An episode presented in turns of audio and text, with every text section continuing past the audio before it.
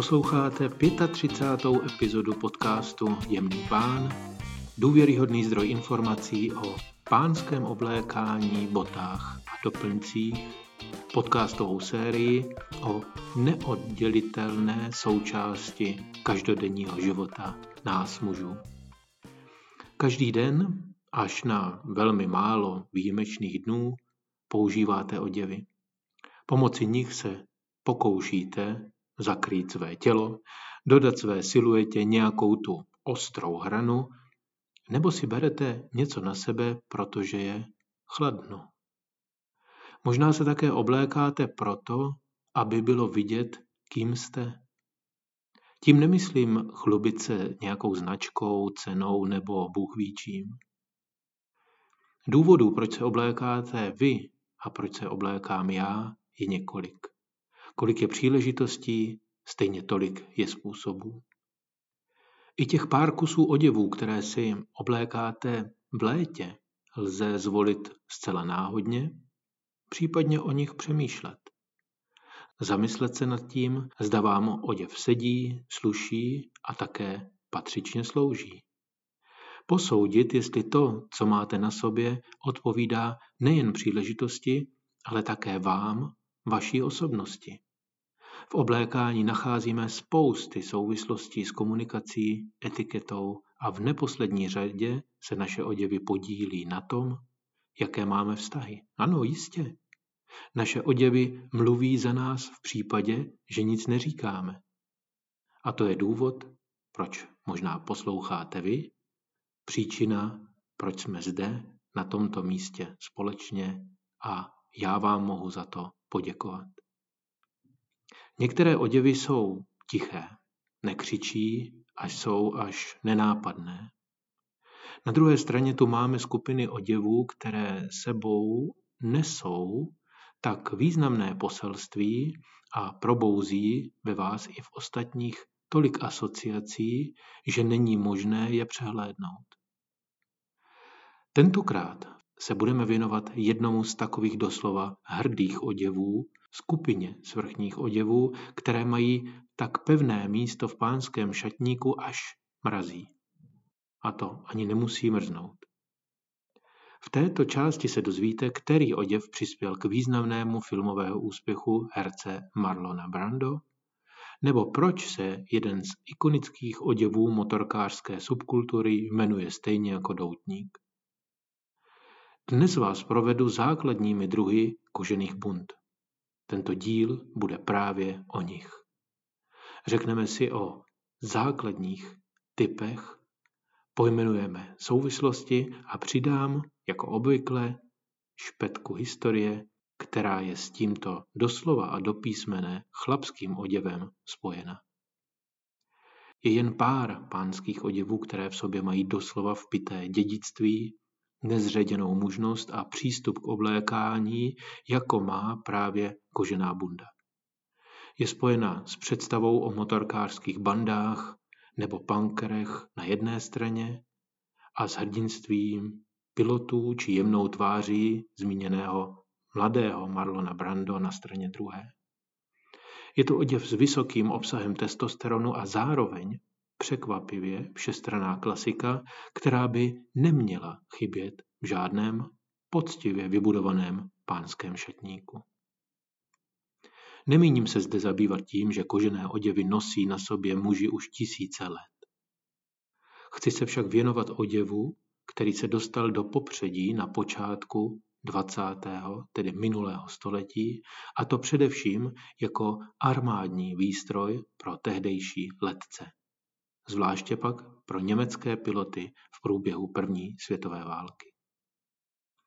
Jednou z ikon, která po téměř 100 let nezměnila tvar ani střih, navrhl v roce 1928 Irving Shot, tehdejší výrobce pláštěnek z New Yorkského Manhattanu. Z jeho dílny doslova vypadla motorkářská bunda pro Harley Davidson. Výrobce ji tehdy podle jména svého oblíbeného doutníku nazval Perfecto. Bunda měla za úkol chránit těla jezdců při nepřízní počasí i nehodě. O ní si později povíme víc. Svoji porci designu kožených bund dali později zase letci, a to v době druhé světové války. Od té doby se s koženou bundou setkáte téměř všude. Uvidíte ji v klasických filmech z 50. let, v běžném životě mužů odvedle nebo na koncertech rokových kapel. Kožárna, chcete-li slyšet tento výraz, je standardní záležitost pro individualisty, ale také v úzovkách tak trošku darebáky a sex symboly. Zakoupením kožené bundy se do vašeho šatníku dostane pravděpodobně jeden z nejdražších kusů oděvu. O to důležitější je vybrat si správně a pořídit tento ikonický oděv chytře. Kožená bunda je vyrobena tak, aby vám vydržela sloužit desítky let a stárla s vámi. Její základní tvary se nemění již téměř 100 let, je pro vás tedy investicí, která s jistotou módě nepodléhá. Budete možná překvapeni, jak univerzální je to oděv a s kolika jinými kusy z šatníku jej můžete kombinovat. Jaké jsou tedy základní skupiny kožených bund? Zcela postačuje, když budete vědět o těchto pěti stylech. Za prvé, letecká bunda. Je nutné ji uvést na prvním místě. Je to doslova otec všech kožených bund. Není tajemstvím, že byla vytvořena pro piloty, aby v otevřených kokpitech poskytla ochranu proti větru i mrazu. Je to dosti objemný kus oděvu s krátce stříhaným chlupem ovčí srsti směrem dovnitř a výrazným líncem s jedním i dvěma řemínky k utažení kolem krku. Nejčastěji najdete středně hnědou, často i černou, s typickými kožešinovými okraji na rukávech. Tady to nepřehánějte s vrstvením, ona totiž opravdu hřeje. Plně postačuje košile nebo tenký rolák z merino, a to i v těch největších mrazech. Vezměte si k ní činos z hutnější bavlněné látky, raději v přiléhavějším střihu. Pokud se vám nápadný kožešinový límec nelíbí, není vám blízký, můžete sáhnout po variantě s civilnějším límcem z kůže, podobnou té, kterou na své výpravy nosil Harrison Ford v roli Indiana Jonese. Za druhé, biker bunda. Křivák. Nejen mezi koženými bundami je to doslova bad boy. Rebel z vrchního oblečení. Křivák je zkrácená kožená bunda, obvykle v černé barvě, doplněná druky a asymetrickými zipy.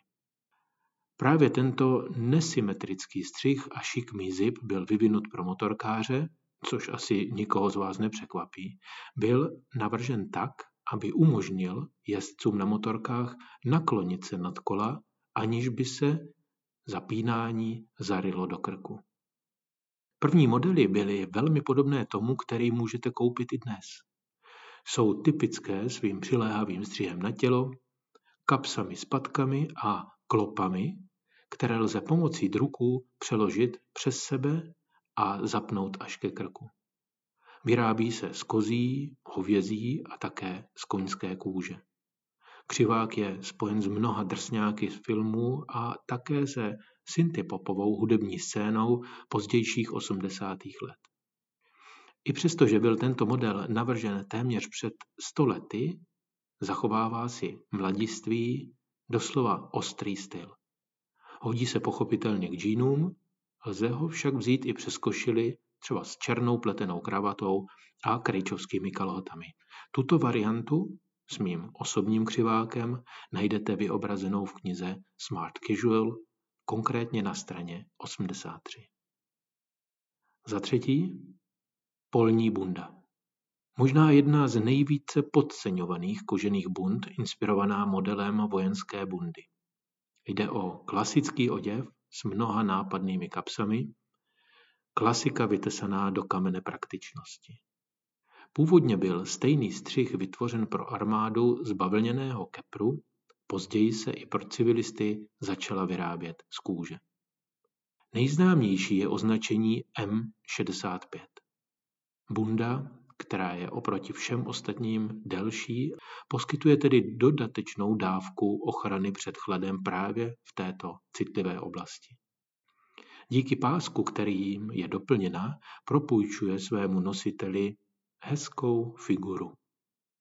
Relativně často je vyhotovena v barvě hnědé, možná právě proto, že v ní vypadá nejlíp. Stane se základem pro perfektní zimní styl, pokud žijete na venkově nebo se pohybujete častěji na chalupě. Doplňte ji dobrými džínami, hrubě pleteným svetrem a párem Chelsea bot. Za čtvrté, bomber.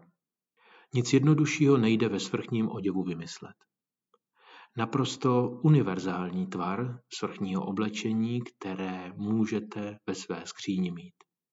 Bomber Bunda hrála svoji roli v oděvech mnoha mužů filmového plátna od Steva McQueena po Wolverina Hugha Jackmana. V případě, že se pro ní rozhodnete, můžete se vydat od optiky skinheada až po skandinávský minimalismus. Snese snad všechny druhy kalhot, čínos, džíny i krejčovské flanelky s ostře nažehlenými puky.